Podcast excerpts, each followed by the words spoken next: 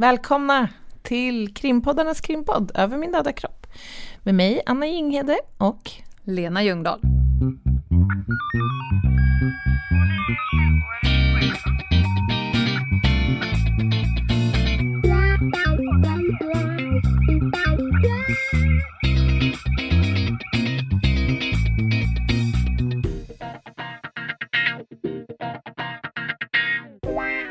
Äntligen Lena, nu kör vi en Q&A idag.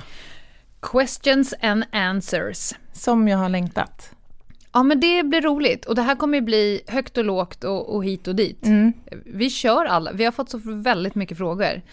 Vi har ju fått så otroligt mycket feedback överhuvudtaget kan Mm. vi ju säga. Alltså det, en sak som jag har tänkt så otroligt mycket på som också har varit så kul, eller är så roligt, det är alla människor som hör av sig.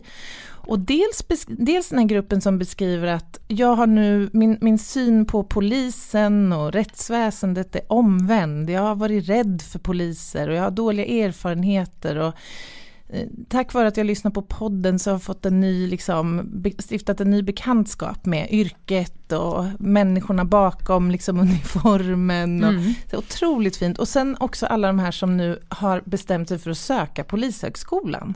Som har Ja. gått och funderat och som nu, tack vare att de har hört podden, Ja, har bestämt sig. Det är ju så roligt verkligen. det är en vanlig respons. Och den andra är, och den känns väldigt bra i hjärtat, att folk tycker om vi tänkte väl inte att det här skulle bli en rolig podd? Vi Nej, det var inte alls vår plan. Nej, utan det Jag skulle trodde vara inte ganska... du var rolig ens. Nej, okej, absolut. Jag skojar. Till skillnad från dina dad jokes, som är fantastiska. Nej, men vi tänkte att den skulle vara ganska faktatung, Mm. eh, gå, liksom djuploda lite, och jag tror att vi har gjort det. Jag tror, för det får vi också att folk har lärt sig mycket. Men det är återkommande feedback att vi blandar allvar med humor. Mm. Jag tror så här att, för, för vi var ju väldigt överens om att det inte fick bli någon flams och tramspodd. Alltså det är ju viktigt för oss att känna att vi framstår som professionella och pratar utifrån ett liksom högt etiskt och moraliskt värde på något sätt. Men s- samtidigt så är det kanske så att om man har en djup inblick och kunskap om ett ämne så kan man ju också prata om det med trygghet och tillåta sig att också faktiskt göra det ibland på ett lite lättsamt sätt. Så länge man håller sig liksom på, alltså man har en balans mellan allvarsamhet och Mm. lite mer lättsamma inslag. Och om man är trygg i sin kunskap, vilket vi faktiskt är, så kan man också bjussa på sig lite självdistans. Ja. Eh, ja, nej men det, det, Ja, vi, det vi känns bra i hjärtat. Mm. Eh, Vi har ju fått som sagt en, en mängd frågor och jag tänkte så här, en som vi har fått som rör podden kanske vi ska ta först. Och det är nämligen frågan så här, hur många avsnitt kommer ni göra av podden? Ja, jag fick ju det i en sån här livesändning på Instagram och jag tittade på dig och sa va? Måste man bestämma Ja. det? Jag tänker att tills folk inte vill lyssna längre och eh, tills vi inte har något mer att säga. Så här är det ju, vi vill ju få spridning på podden. Ja, Och det är liksom en förutsättning för att vi ska bli motiverade att fortsätta. För att det här gör ju vi utanför vårt ordinarie Ja. arbete. Så det krävs ju lite tid och så.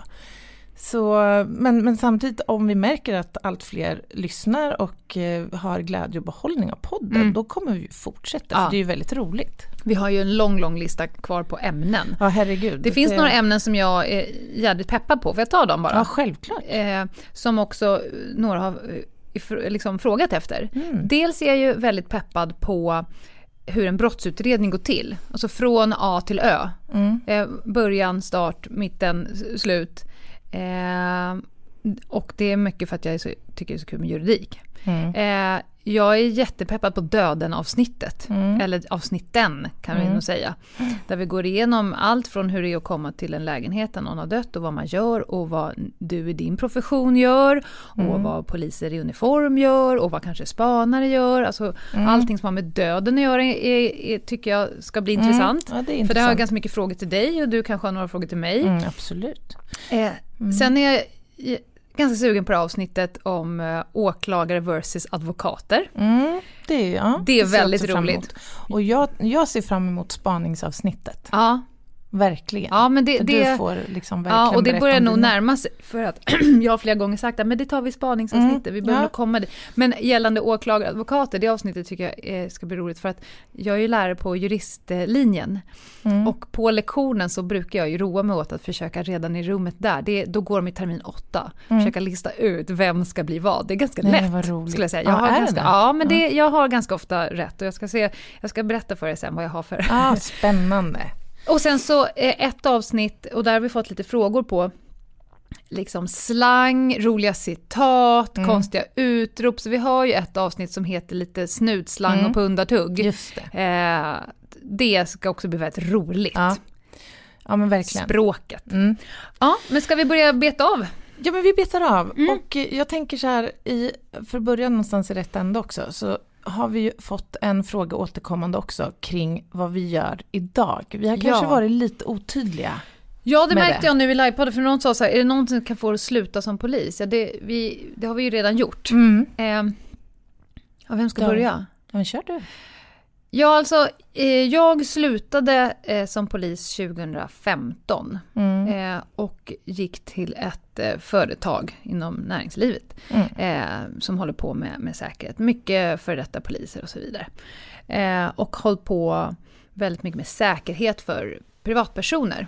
Just det. Alltså, det finns ju x antal personer i samhället som har kanske möjligtvis någon form av förhöjd hotbild. Mm. Ja, kan man säga att polisen tar hand om och Säpo tar hand om kungafamiljen, förtroendevalda och, det. och ibland lite om det är vittnesskydd och sådär. Men är det uteslutande offentliga personer? Nej, det Nej. är det absolut inte. Och det kan vara olika ingångar. Dels det, kan det vara mm, privatpersonen själv som hör av sig och säger att jag känner mig lite utsatt. Oftast kanske inte lika mycket som de tror. Mm. Eh, och då gör vi en hotbildsbedömning och så. Kan det Eh, vara åt andra hållet också? Att ja. man upplever sig liksom otrygg och hotad Ja. fast det reella hotet Ja, egentligen inte är är. mindre. Och då är det Ja. ju peppigt att säga det. Ja, verkligen. Eh, ja men så kan det absolut vara. Att jag vill bygga sån här panic room och, och Ah. jag behöver livvakt och säga nej. Mm. Du behöver gå till en psykolog. Nej men rent krasst så, Ja. så är det många som upplever, och det är ju hemskt i Ja, sig, för förmodligen så inskränker de sin egen rörelsefrihet på grund av det.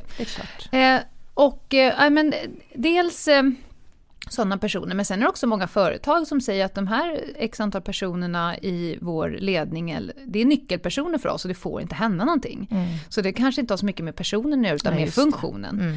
Mm. Eh, och sen så, och i det företaget så höll jag också på väldigt mycket med utbildning. Mm. Utbilda hot och våld, pågående dödligt våld, och prata lite om terrordåd, Mm. eh, ja men säkerhet. Alltså du har en helt galet intressant repertoar. ja, Lena. den är, den är bred. ja, verkligen. Eh, men min expertområde är ju spaning. Nu för tiden så jobbar jag varannan vecka eh, med ett, ett och samma uppdrag och det kan jag inte prata om Mhm. Nej, alls. Nej. Så varannan vecka så, så jobbar jag med ett och samma uppdrag och den andra veckan så eh, jobbar jag i egen regi. Mm, just det. Och det är också väldigt högt och lågt, men det är mycket fokus på utbildning och föreläsning. Mm. Eh, håller också avlastande samtal när det har skitit sig. Mm. Eh, och eh, hjälper personer med allting som kan vara relaterat till utmaningar. Mm. Så säger jag. Men du, jag tänkte på en sak, om du, för det är också en fråga vi har fått Mm. nämligen. Om du skulle få frågan att Mm. komma tillbaka till polisen, hur skulle du utvärdera den då? Ja, jag har ju redan in? fått frågan Ja. flera gånger faktiskt. Eh, för det var ganska många som slutade eh, då. Mm. Nu har det bromsats av, tack och lov. Eh, det är lite motsägelsefullt eftersom jag var en av de som slutade. Mm. Eh, jag har fått frågan, men eh, den expertisen som jag har inom det polisiära, Mm. alltså dold avancerad personspaning, Mm. eh, det blev inte riktigt som det var tänkt eh, då. För att jag var med i ett projekt där man verkligen förfinade polisens arbetsmetoder Mm. eh, och känner mig riktigt eh, sugen på att dra igång det, Mm. så som det var tänkt. Eh, men, men det blev inte det. Nu vet jag att de håller på att fixa till det där. Men i nuläget, och jag pratar en del med mina kompisar som är kvar, mm. eh, så finns det egentligen inte den rollen som jag Nej. i så fall skulle, skulle vilja, vilja, ha. ha. Eh, man är inte där än. Sen så har jag nu med x antal år därifrån fått lite perspektiv och det finns andra saker som jag också skulle kunna tänka mig mm. att hjälpa till och, och utveckla. utveckla. Mm. Men i nuläget så, så har jag inte fått frågan och inte, kan inte själv heller se en roll som skulle liksom utmana Nej. mig och kittla rätt saker. De har helt enkelt, polisen har helt enkelt inte förstått vad det är de inte har förstått. Nej, jag skulle säga så här, i nuläget är de inte en tillräckligt attraktiv arbetsgivare nej, för nej. mig. Men jag har ett väldigt starkt brinnande polishjärta. Mm. Ja. Eh, och jag skulle säga att de senaste åren har jag gjort så mycket mm. för polisen. Och det igen den här podden. Mm. Alltså, om Polismyndigheten vill rekrytera mer personer, mm. hej Polismyndigheten, kom och sponsra vår podd, för vi har, jag ska, lovar att det är säkert 30 personer ja, som kommer skicka in en ansökan mm. till polisutbildningen. Och jag skulle också säga att det är 30 rätt personer. Mm. Eh, så om de vill attrahera mm. mer personer så ja, vi mm. kan berätta hur man gör uppenbarligen. ja, absolut.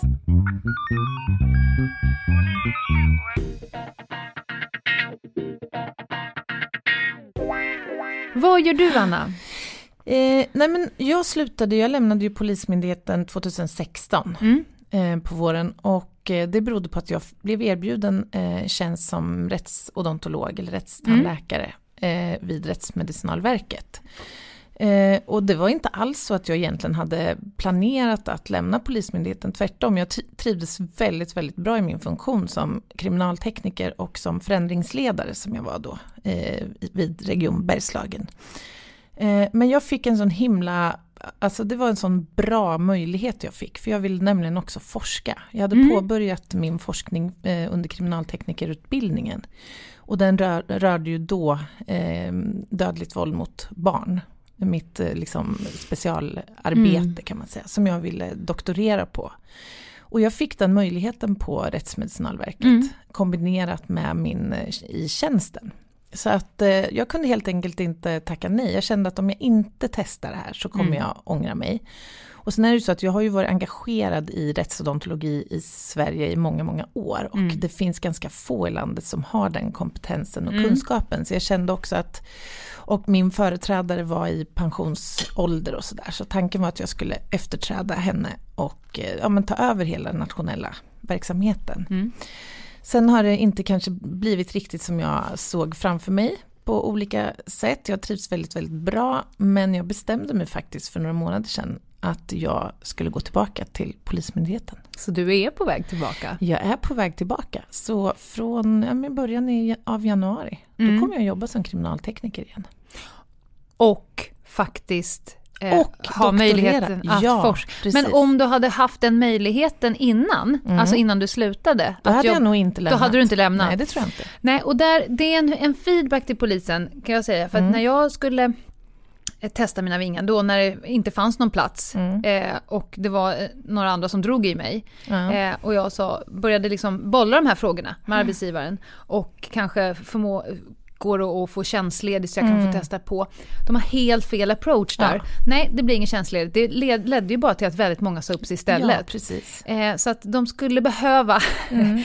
tänka tror... till därför att de som lämnar är visionärer, kreatörer, mm. de som är drivna, de som tänker mm. utanför boxen, Just de det. som driver det här skeppet fram. De som kanske inte heller nöjer sig. Nej. Som, som har en stor potential att förändra och utveckla mm. en verksamhet och som inte känner att det finns riktigt instrument eller så här lyhördhet mm. för det. Men jag tror faktiskt att, eller jag vill tro att det blir bättre. Ja. Att man har börjat lära sig det. Mm. Det jag skulle nämna också var att jag, precis som du, jag, jag undervisar och föreläser ju ja. väldigt mycket också. På ja, men, Polishögskolan men också så träffar jag jättemycket vårdpersonal tandvårdspersonal, mm. och sjukvårdspersonal och ambulanspersonal och allt möjligt mm. och försöker få dem att förstå hur de ska upptäcka våld och våldsutsatthet och hur de ska agera när det är känt, eh, alltså ja, ett ja. brott som har begåtts, hur man ska tänka rent spårmässigt och dokumentationsmässigt och sådär. Det vore kul att föreläsa ihop någon gång. Ja, det vore du och jag. så vi kanske, Du, jag funderar på det. Om vi nu liksom, om, om, eh, om podden eh, blir intressant för tillräckligt många människor så kanske vi skulle fundera på att göra en livepodd framöver. Vad tror du om det? Ja. jag bara kände så här, Talande tystnad. Nej men jag försökte sätta mig in i situationen, ja men varför inte? ja, ja. Ja, Ja, okej. okej. Mm. Ehm, så det var lite om oss då. Jag hoppas att det har klarnat lite grann och vi får väl komplettera om det dyker upp fler Ja. frågor helt enkelt. Men överhuvudtaget det här med polisyrket är ju något som intresserar väldigt många Mm. eh, och det väcker frågor. Eh, och bland annat så undrar man lite grann kring inriktningar och yrken inom det polisiära men också om man kommer från den civila sidan. Var Och ska då, börja? ja men jag kan säga så här, att inom polisen finns det 350 funktioner. Är det så? Ja, 350 olika funktioner finns det att göra inom Polismyndigheten. Mm. Och det var ju en tanke som var i väldigt många av oss. Jag, jag gick på skolan för, för 19 år sedan. Mm. Eh, och, och då skulle jag säga att då hade man som en tanke att jag kommer ha kvar inom Polismyndigheten för att jag kan jobba med vad som helst där. Mm. Jag kan gå från Det att finns intresserad- många vägar. Ja. Ja men det kan vara djur och, och vara ryttare och hundförare. Jag kan vara intresserad av bilar och fordon och jobba med trafik. Jag kan hålla på med IT-forensik, döda människor, levande människor, gamla människor, unga människor. Prångla in mig i djupt, djupt juridiken och så vidare. Eh, så att det finns väldigt många olika funktioner inom polisen. Vad jag vet nu eh, är att man försöker utvidga och plocka in personer utifrån som inte är poliser som är experter. Som expert, eller har Du- en expertkunskap ja. Du nämnde ju att man till exempel anställt tio stycken civilanställda kriminaltekniker va? Ja, eh, ja precis, tio civilanställda som ska bli kriminaltekniker. Ah, okej. Mm. Och det är ju för att lösa en akut uppkommen brist Ja. på kriminaltekniker. Eh, och eh, Och då ska man veta, på tal om det, eh, ursäkta att jag Mm. avbröt, men då ska man känna till att för inte så många år sedan så var det huggsexa om att bli kriminaltekniker. Det var högt åtråvärt. Alltså, det, Mm. och nu är det brist. och nu är det sån akut brist så Mm. att, eh, ja. Eh, och nu vet jag att man kikar på det här eh, på fler områden. Mm. Alltså att anställa riktigt duktiga datahackers till Ja. att hålla på med det istället för att ta någon som eh, har kanske gått en annan bana inom polisen och helt plötsligt ska sitta på IT-forensik. Ja. Ja men man behöver ju folk som är smarta på riktigt, ursäkta uttrycket, men ja, men alltså, som är nischade, programmerare. Ja. Och, och då är det ju svårt att man kanske inte ska, kan hålla på med polisiära utredningar om man inte har polisiär befogenhet. Det är rent juridiskt. Mm. Eh, men då kanske man ska ta, kunna gå något snabbspår. Ja, eh, du kanske inte behöver gå tre år på gatan och, och göra allting, utan du kanske kan bli polis kopplat till bara Mm. en tjänst. Det vore väl toppen? Men jag tycker det är vettigt också. Ja, för att vara så, så såklart. här, alla behöver ju faktiskt inte heller, ju, även, om, även om det är en utgångspunkt att man ska, Mm. för det är ju ute i yttre tjänst som det verkligen, verkligen blöder. Så man behöver Ja. ha poliser ju. Men alla kan ju inte jobba där och alla ska inte jobba där. Men det kan ju Nej. fortfarande innebära att man har en specialkunskap. Ja.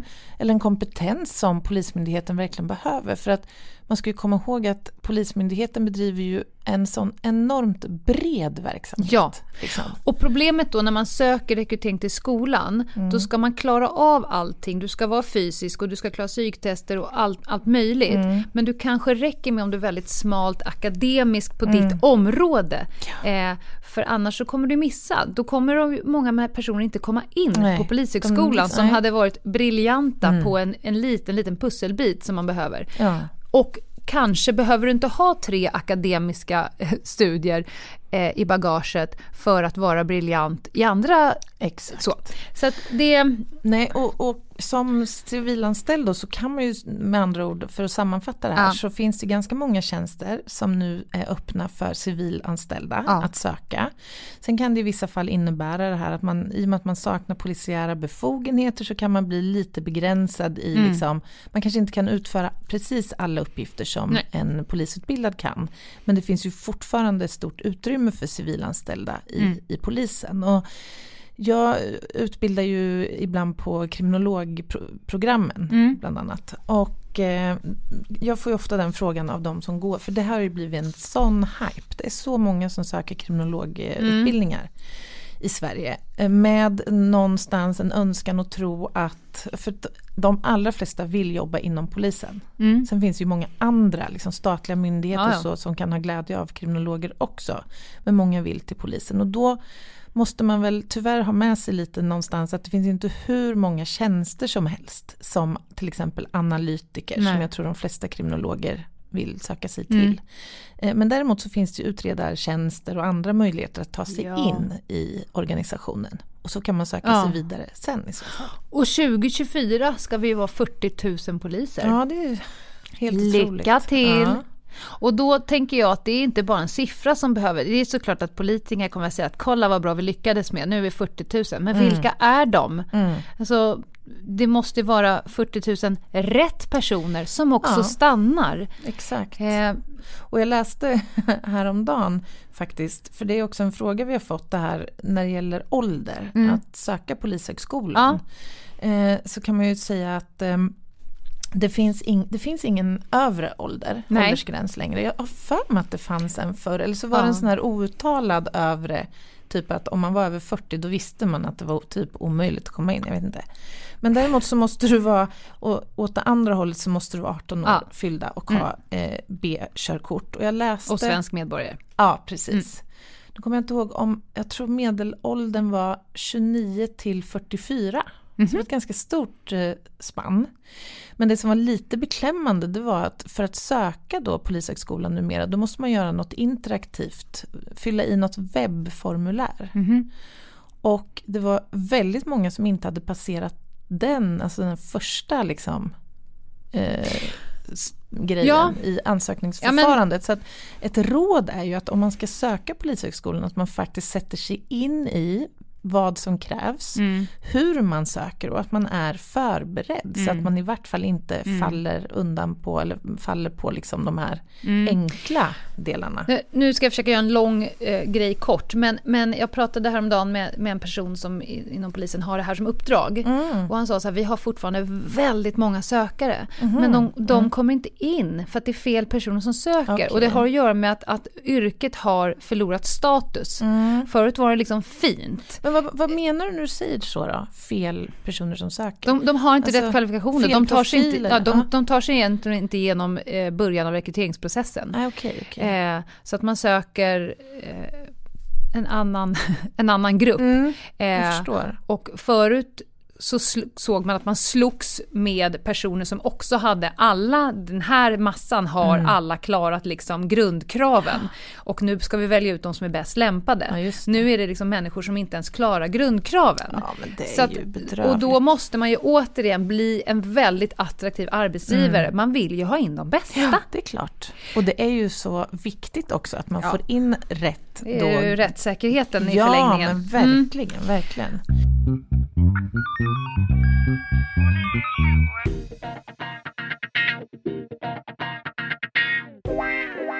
så har vi också fått en del frågor kring vardagen som polis. Mm. Hur det är att arbeta som polis. Hur till mm. exempel ett arbetspass ser ut från start till mål. Är inte det ett helt eget avsnitt? Jo, jag, jag känner jag. också det. För att, ja. Det finns så mycket, jag, bara snabbt tänker jag ju allt från när man kommer till polisstationen, folk är nog intresserade. Mm. Vad gör man grejer, eh, hämtar ut vapen, sitter på utsättning, mm. går igenom ärenden och jag tror faktiskt att det är ett eget avsnitt. Vi kör det som ett eget. Och det beror ju också så himla mycket på vad du har för funktion egentligen. Ja eh, inom polisen. Ja. Så, ja, men bra fråga, ja. men vi lyfter ut det Den som gör en ring kring, ett, eget eh, pass. eget mm. pass. Och egentligen även nästa fråga är lite stor sådär, men jag kan försöka besvara den ganska kort. Mm. Och det rör hur kriminaltekniker tänker när de kommer till jobbet, eller snarare hur de eh, tänker när man kommer till en brottsplats. Mm, rent generellt. Ja. Och det går väl att besvara den frågan tänker jag generellt men vi kan ju mm. ägna även den frågan kanske en fördjupning längre fram. Men det, alltså A och O eh, när man jobbar som kriminaltekniker det är att man liksom tänker efter före. Mm. Att man planerar sitt liksom, tillvägagångssätt och arbete på en brottsplats. Och hur ser den planeringen ut då? Jo men det beror ju väldigt mycket på vad det är för brott som man har i grunden. Vad det är för typ av brottsplats. Man kan till exempel inte genomföra samma eh, typer av undersökningar på land som i vatten mm. till exempel. Eller utomhus som inomhus och sådär. Eh, men och en, en bra grej som jag lärde mig när jag gick min kriminalteknikerutbildning, det var en sån här gyllene regel att när du kommer till en brottsplats så ska man ta något som kallas för termos. Har, mm. har du hört begreppet? Nej. Nej. Det är en sån här att man, ett råd liksom från de här som är lite gamla i gården som har lärt sig den mm. hårda vägen, hur viktigt det är just att liksom ta in brottsplatsen först visuellt och mentalt. Mm. Så det handlar helt enkelt om att när man kommer fram till platsen och står där på tröskeln och innan man har satt sin fot innanför tröskeln så ska mm. man ta upp sin kaffetermos. Alltså Aha. bildligt tal. Eller så, ah, ja. mm. så man tar sin kopp kaffe där och bara egentligen studerar platsen. Försöker visuellt processa vad det är man ser. Mm. För att sen kunna liksom lägga upp arbetet så optimalt som möjligt. För kriminalteknik handlar ju jättemycket om att säkra spår. Mm. Eh, och man vill ju inte då eh, vare sig tillföra nya spår till platsen och man vill ju inte heller förstöra de Nej. spår som finns på platsen. Så det är jätteviktigt liksom att man gör saker i i rätt ordning. Och Man kan säga precis tvärtom mot vad det är på film. När de lyfter ja, på avspärrningsbandet och rusar rätt ja. fram till kroppen. precis, ja. gör som på film fast precis tvärtom. precis tvärtom. Men det ska man också säga att när ni, när, det kommer, när ni kommer till platsen, ja. då anledningen till varför ni kan ta det lugnt, för att när det är en brottsplats, då mm. är det ju mm. poliser som har kanske hållit på att rädda liv, eh, mm. eh, griper personer. Just så det. ni kommer ju alltid in i ett skede där det inte längre finns en tids... Eh, axel att, att förhålla er till. Nej. Utan det är ju inte bråttom till skillnad från väldigt mycket polisiärt arbete som är oftast under hög tidspress. Precis, och det får inte heller vara Nej. tidspressat. Sen kan det ju vara situationer när man till exempel har en avliden kropp på en plats, mm. någon som har blivit mördad till mm. exempel. Då vill man ju så fort som möjligt ta sig fram till kroppen så att man kan, man kanske behöver utreda vem personen är ja. för att kunna inleda liksom mm. spaningsinsatser. Mm och man kanske behöver fastställa när den här personen mm. blev mördad och så och då är ju tiden en faktor och då kan man ju inte alltid liksom forcera fram för då blir det ju på bekostnad kanske av att man förstör mm. eller tillför eh, spår. Där har jag en, mm. en följdfråga. Ja. För när, om det finns en kropp på plats, en mm. person, mm. Eh, då är, skulle jag säga att det är ju väldigt vanligt att poliserna som var innan er på plats mm. har varit framme, kanske ja. försökt med livräddande åtgärder, Mm. Eller kollat, sprungit runt i lägenheten och kollat om gärningspersonen är kvar och så vidare. Ja. Vad ställer ni för frågor och vad gör ni med poliserna som har kanske rört vid kroppen eller sett? Ja men alltså, för det första så måste ju de åtgärderna ske. Ja. Rädda liv går alltid före. Mm. Våran säkerhet går alltid mm. före. Så att det här som du nämner, att eftersöka och eventuellt gripa en gärningsperson mm. som är kvar, det måste ju liksom mm. göras. Och det vet ju vi. Att, mm. eh, och vi vet ju också att det blir på bekostnad av att förutsättningarna på platsen för oss blir lite ja. sämre. Så det vi gör då, det är ju för det första att vi vill ha en, en så kallad tillträdeslogg. Vi vill veta vilka har varit in på platsen och sen så får man ställa frågor till de personerna. Hur har du rört dig på platsen? Var har du gått? Eh, jag kommer fotografera dina skosulor mm. så att jag kan avfärda dina skospår från, som inte är intressanta. Och här är det inte läge att mörka. Nej, om man, inte direkt. Om man tycker att fan det var ju onödigt och jag kanske flyttade på en sak mm. utan att tänka mig för. Så här är det transparens Absolut, som gäller. för det kan ställa till det ju mm. jättemycket. Och vi har ju, alltså man har ju full förståelse för att det är så att man kanske inte heller alltid tänker helt så här kriminaltekniskt hundraprocentigt rätt när man stressar in i en miljö. För att man själv är stressad eller man behöver ha bråttom och allt det där. Man har inte tid helt enkelt. Så det där brukar ju eh, lösa sig. Mm. men det är väl ungefär det, är det, korta, ja. mm. det korta svaret på den frågan. Bra.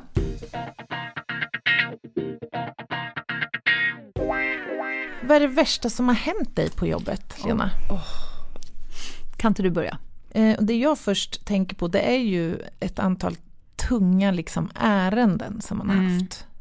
Alltså de här när eh, pappa har mördat mamma till exempel och mm. det finns barn kvar. Mm. Och så här. Alltså, de, de eh, fallen de är inte så vanliga men de, är ju, de, de sätter sig ju på något sätt. De är tunga mentalt ja. att jobba med. Jag fascineras lite över vilka ärenden som etsar sig fast. För det har vi också mm. fått lite frågor om mm. samtidigt. Vad, vad, är det liksom ni inte kan släppa? Mm.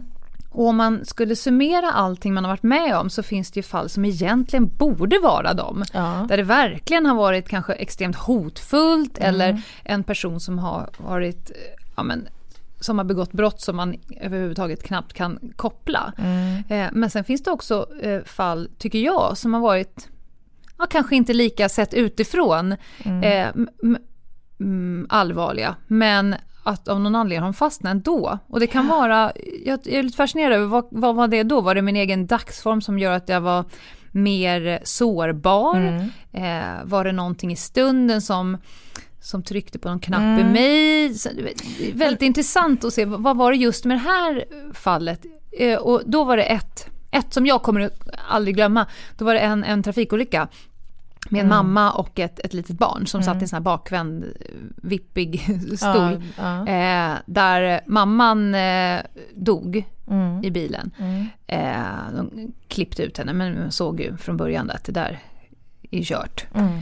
Eh, och när man står där och ska liksom hjälpa till med ena handen, eh, hjälpa räddningstjänsten så det, och så står jag med mitt högerben och vippar på den här eh, ja. stolen mitt på E4. Mm. Liksom ett litet barn. Som, bara, att man ser på så här, du har ingen aning om Nej. vad som händer nu men du kommer att liksom bli färgad för resten av ditt liv. Mm. Och, och det, det var något sånt där som jag bär med mig. Mm. Och, och, när man, en gång har jag tagit också en liten flicka från en mamma som var kurir. Hon hade smugglat en större mängd eh, narkotika. Mm. Och liksom koppla in joursos och så. Mm. Nej. Nej. Ja, alltså, jag, när jag, jag drar mig till minnes nu några, när, när du berättar om dina mm. erfarenheter så kommer jag också på några sådana där som ju såklart har etsat sig fast. Och, och det gemensamma för dem är det här när det handlar om väldigt, alltså den här särskilda sårbarheten ja. och utsattheten ja. hos framförallt barn. Mm. Eh, jag har jobbat med ett fall som med en liten, liten, ett litet, litet barn som fick över hundra skador på sin kropp. Tillfogade av mamma och en styvpappa. Eh, och där jag bland annat tillsammans med rättsläkaren och så dokumenterade de här skadorna. Mm. Och, ja, men, vi, vi, var ju många som jobbade med själva Var ärendet. barnet dött? Nej, barnet Nej. överlevde men om jag säger så här, det var tack vare en allmänhet som kände oro och slog larm. Och ja. man gjorde... Typ grannen eller? Ja, en granne. Och eh, nu vet jag att det har gått väldigt bra för det här barnet. Mm. Barnet blir omplacerat och eh, placerat i fosterfamilj och så. Det har gått mm. väldigt, väldigt bra och på ett sätt så var det tur att barnet var så litet, precis mm. ett år fyllda. Eh, vilket gör att man kanske inte behöver bli så belastad av liksom, traumatiska Nej. minnen och så. Men ändå, verkligheten kommer ju hinna ifatta även mm. det här lilla barnet och man kommer fundera på såklart hur kunde min mamma och hennes kille utsätta mig för det här ofattbara. Där skulle jag faktiskt vilja göra en shout-out mm. till några som vi känner. Nina och Peter Rung, Rung ja. som driver projektet Huskurage mm. som går ut på precis det här. Ja. För det är så många eh, barn, kvin framförallt barn och kvinnor, mm. men även män såklart, som är hårt drabbade av våld, fridskränkning och hot i hemmet. Där det visar sig att, att grannar har vetat om det här eller haft aningar om det. Mm. Kanske till och med tänkt vad de ska göra men inte vågat. Och då driver de projektet Huskurage mm. som går ut på att göra någonting. Att uppmana till ja. att ingripa ja, eller i alla fall slå larm. Och det, där är ju, det, här är ju, det här förtjänar också ett eget avsnitt ja. tycker jag. Mm. Eh, men jag skulle bara nämna det att det är ju lite så paradoxalt att de allra flesta fall som anmäls eh, så här, alltså där man överför oro till socialtjänst och så, det är mm. ju inte liksom en specifik yrkesgrupp som man skulle hoppas och tro. Jag menar, hälso och sjukvården som anses ha kanske bäst förutsättningar, mm. inte de som oftast rapporterar utan det är ju mm. den stora massan allmänheten ja. trots allt. Och det måste vi också få ändring på, så att, mm. att alla tar sitt ansvar för den här, det här enorma liksom problemet mm. som, som det ju är. Ha. ha, det bästa som har hänt oss på jobbet Oj. då? Eh, ja men där finns det liksom två kategorier. Jag har ju fall mm. som man har löst eh, mm. som har varit liksom mitt bästa fall skulle mm. jag säga. Mm. Och det var när vi hittade närmare 50 kilo kokain där renhetsgraden var någonstans mellan 95 och 100 procents renhet. Alltså det måste ju vara ett av alltså ja, de det största rekord. beslagen ja, ja, ja, det är det. Och framförallt den här renheten, för mm. då kan du ju slå ut det här äh, beslaget så mm. det är ju mm. inte bara, det är inte bara 50 kilo. Det och det innebär alltså att man späder ut det? Späder mm. ut det och späder ut det för att det är ingen som brukar 100 procent i kokain. Nej, precis. Utan eh, det säljs ju i liksom lägre grad. Eh, så det var väl mitt halleluja. Och det ärendet var så kul för att jag var med från tips och sen spanade jag på hela ärendet och Sen fick jag faktiskt förmånen att gå in och vara med och, och vara utredare i det här ärendet. Oj, så jag var med häftigt. från tips till, till dom. Det måste ha varit superkul. Ja, det är nästan så att man skulle dra hela det ärendet mm. i... Är det avdömt? Och det är avdömt ja. i alla instanser, så att det där kan jag vara ganska transparent mm. för. Och det, jag föreläser ganska ofta om, om, om det ärendet. Mm. Eh, både för jurister och poliser. Det, det, man kan hämta väldigt mycket om det. Och där var det mycket som gjordes som var helt briljant, mm. men det var också väldigt mycket misstag som gjordes. Ja. Framförallt kopplat kommunikation mellan kriminaltekniker politiker och polis. Ja. Eller och, och andra poliser. Ja, Men så det, det är väl det bästa ärendet och sen så har jag varit med om en solskenshistoria med en eh, försvunnen eh, person. Mm, som återfanns ja, som, i liv? Ja, som mm. återfanns i liv. Eh, och eh, när man eh, kommer med de beskeden. Mm. Eh, det här var en, ja, men en, en sårbar person. Mm. det är ju något som man kan bära med sig Verkligen. av livet. Och det, det gäller för mig också. Det, det roligaste, de roligaste fallen är ju naturligtvis, ja, dels såklart om man hittar något som är avgörande för utgången mm. av liksom, en mm. utredning. Mm. Det är ju naturligtvis jättekul. Jätte Men framför allt det här när man känner att man faktiskt har gjort en ja. genuin insats för någon annan. Jag drar mig till minnes en, det var faktiskt en jul, eh, ja. mellan, mellandagarna för några år sedan när jag jobbade i yttre tjänst. Så var jag och en patrullkollega ute där på småtimmarna och egentligen bara körde gata upp och, och gata ner sådär mm. planlöst. Men så tog vi till så vi åkte ut i ett ytterområde och anträffade på en stor parkering en eh, långtradare som stod mm -hmm. nedsläckt. Men vi såg i, i kupén att det var liksom imma på, på rutan. Mm. Så vi, vi, tyckte det såg lite skumt ut sådär. Om, funderar på, är det någon som har stannat här för att sova över natten? Och det var så här smällkallt, alltså det var den här riktigt kalla vinternatten, du vet, 15 minus ja. eller något sånt där. Mm. Så vi åkte fram och knackade på i kupén och då var det en kille, jag tror att han var, var chaufför från Rumänien eller Bulgarien, så vi hade lite problem med språket. Han pratade inte så bra Nej. engelska, svenska säga. Han pratade inte så bra svenska. Nej. Nej. Eh, och vi förstod då i alla fall att hans eh, maskin där hade havererat. Mm. Han kom inte vidare. Han var liksom strandsatt mm. där mitt i natten i den här smällkalla vintern. Mm. Och han hade nu då försökt att liksom värma upp sig med de kläder han hade med sig. Jaha. Men han var ju kraftigt nedkyld. Han hade ju suttit där ett antal timmar och någon då från det här åkeriet skulle komma till Sverige med någon reservdel eller hur sjutton det var. Och då stod det klart för oss att många av de här yrkeschaufförerna från andra länder har kanske inte liksom, alltså deras arbetsvillkor är kanske inte alltid superväl reglerade. Mm. Eh, han hade knappt en krona på fickan, han hade, ja men du vet, var så liksom svår, svår situation för honom. Mm. Så det vi gjorde då, då kände vi att vi var tvungna att göra en insats för honom. Så då åkte vi in till sjukhuset och hämtade uppvärmda filtar eh, sjukhusfiltar. Mm. Och sen åkte vi till den lokala bensinstationen och köpte en, alltså flera koppar med varmt te och mm. kaffe och mm.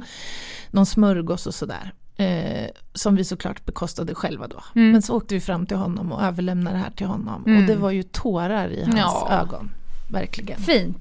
Det, var verkligen, det kändes väldigt, väldigt bra att kunna göra det där det var en liten extra. insats för oss men det betyder man väldigt, inte, väldigt men man, det känns bra. Mm.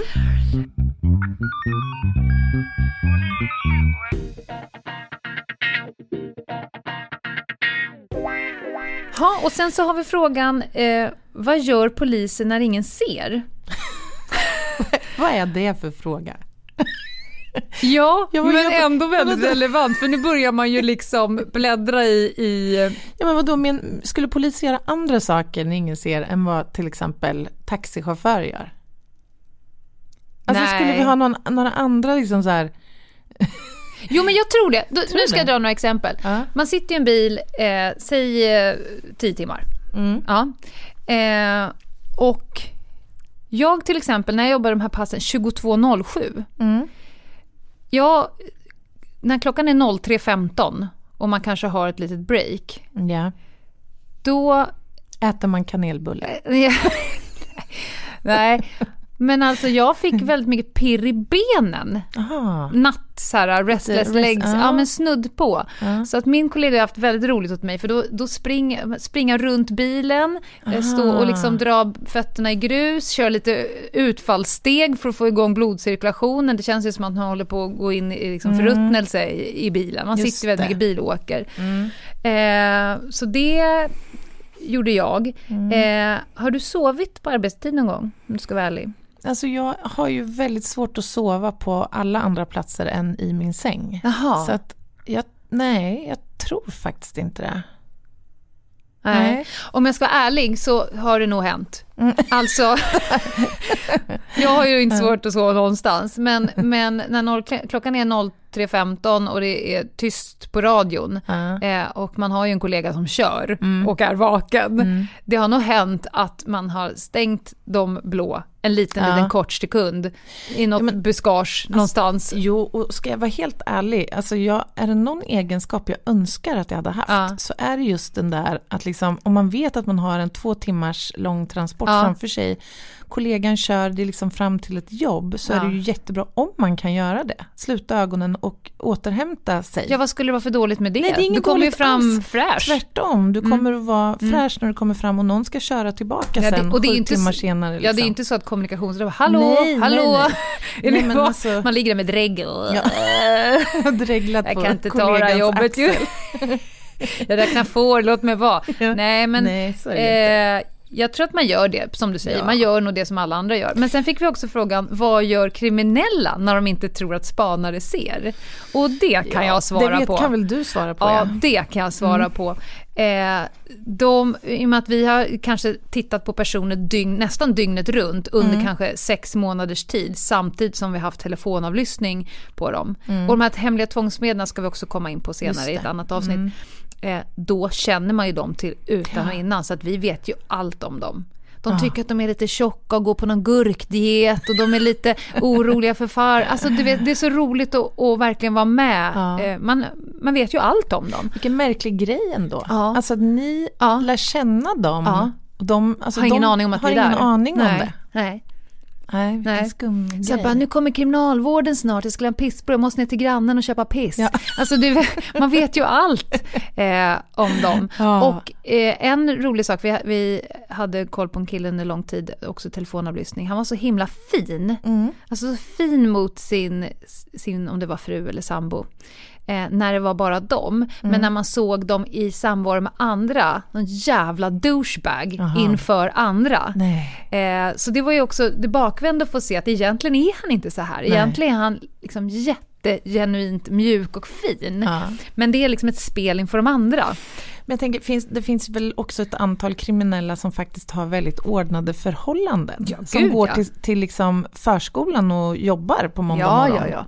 Och sen bedriver lite Kanske annan, inte mer suspekt verksamhet. Alltså nu har jag ju mest spanat på de som är ganska högt upp i Mm. brottshierarkin, om Ja, man får just kalla det. så. Eh, de livnär sig på sin... Nja, de kanske inte går till förskolan Nej, och jobbar, det vore bra för dem. eh, men de är ju absolut etablerade i samhället och, Mm. eh, och eh, går inte runt i någon liksom svart luva och ser allmänt thug ut. Ja men för jag menar det finns ju kriminella och kriminella. Ja, ja, ja. Det är inte helt ovanligt att man liksom får veta efterhand så här om någon som kanske har haft ihjäl någon anhörig eller någon kombatant Mm. sådär att eh, människor i hans, om, eller hans eller hennes omgivning beskriver den här personen som vem som helst. Vi, vi hade ingen aning om Nej. att liksom, det fanns de här... Nej, det är väl det vanliga. Ja. Men du, det här att skilja då på privatliv och jobb. Vad har du för tankar kring det? Och vad har, du, vad har fungerat för Jag, dig? jag skulle säga att, att eh, jag har haft ganska lätt. eh, Mm. För att jag inte har umgåtts så mycket med, med polisen när jag jobbade inom polisen. Nej. Eh, och, och de jag har umgåtts med har inte haft något större behov av att prata jobb. Jag, ganska, eh, jag har älskade mitt jobb, Mm. men ägnade väldigt lite tankeverksamhet åt det när jag var ledig. För att man behöver vila huvudet med tanke på att man verkligen mm. tränger in i människor. Så att, eh, jag, jag, tror jag ska säga släppa jobbet när man går hem. Mm. Det är lätt att säga, mm. men det är en framgångsfaktor. För annars så skulle man ju utveckla någon form av galenskap. Man mm. är ju inte som i serierna där de liksom går hem och så bara fortsätter. Nej. Eller ja.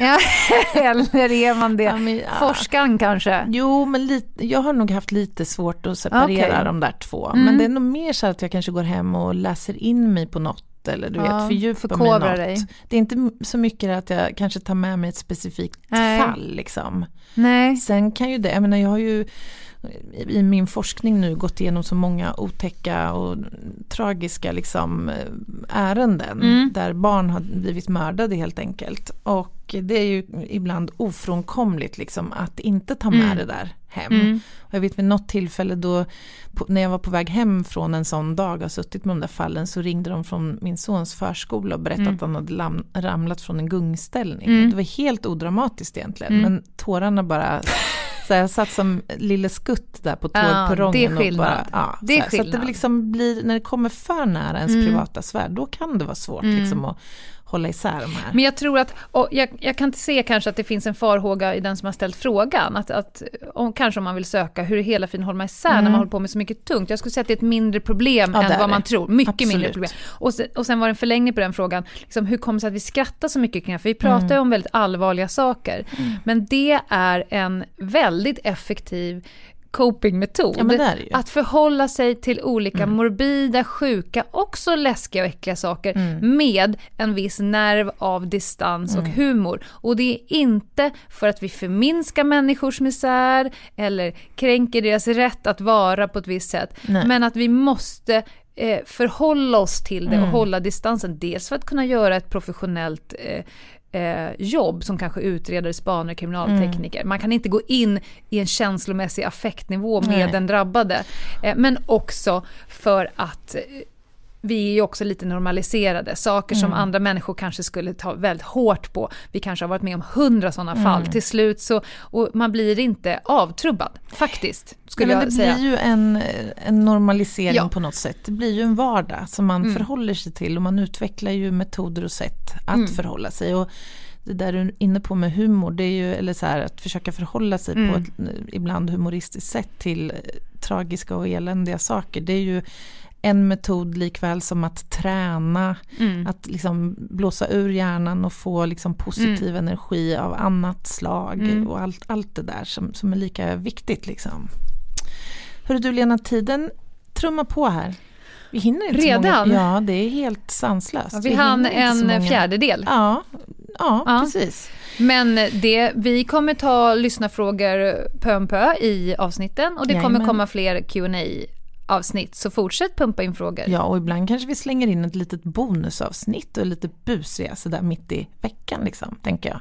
När vi har fått så mycket frågor. Kan vi spela in ett extra avsnitt? Ett, ja. Alltså, folk har ju skrivit att de vill ha ett avsnitt om dagen. Ja, jag vet, men det är helt orimligt. Då behöver vi ha mycket mer samarbetspartners ja, som kan Om ni känner någon person som sitter och har väldigt mycket pengar i sina fickor. eh, nej men ursäkta mig, men det, varje gång vi gör det här så jobbar vi inte. Eh, som skulle vilja sponsra oss, så skicka dem till oss. De är så välkomna. Eh, Ja men det var väl det för den här dagen? Ja, In på vårt Instagram. Det. Men fortsätt att leverera frågor och ni som inte har fått era frågor besvarade kommer, kommer att få det. Kommer. Så mejla till oss på ljungdahl och gmail.com eh, och besök vår sida på Instagram. Eh, Ljungdahl och Ginghede heter vi där. Eh, det var väl allt för idag? Det var allt för idag. Vi hörs vidare. Ha det gott! Ha det gott! Hej då! Hej, hej.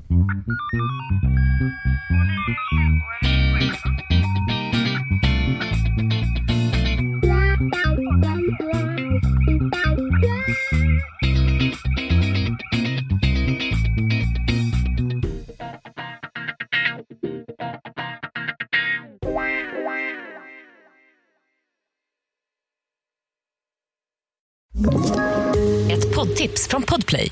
I podden Något Kaiko garanterar östgötarna Brutti och jag, Davva, dig en stor dos skratt. Där följer jag pladask för köttätandet igen. Man är lite som en jävla vampyr. Man har fått lite blodsmak och då måste man ha mer. Udda spaningar, fängslande anekdoter och en och annan arg rant. Jag måste ha mitt kaffe på morgonen för annars är jag ingen trevlig människa. Då är du ingen trevlig människa, punkt. Något Kaiko, hör du på podplay. Därför är gardinerna.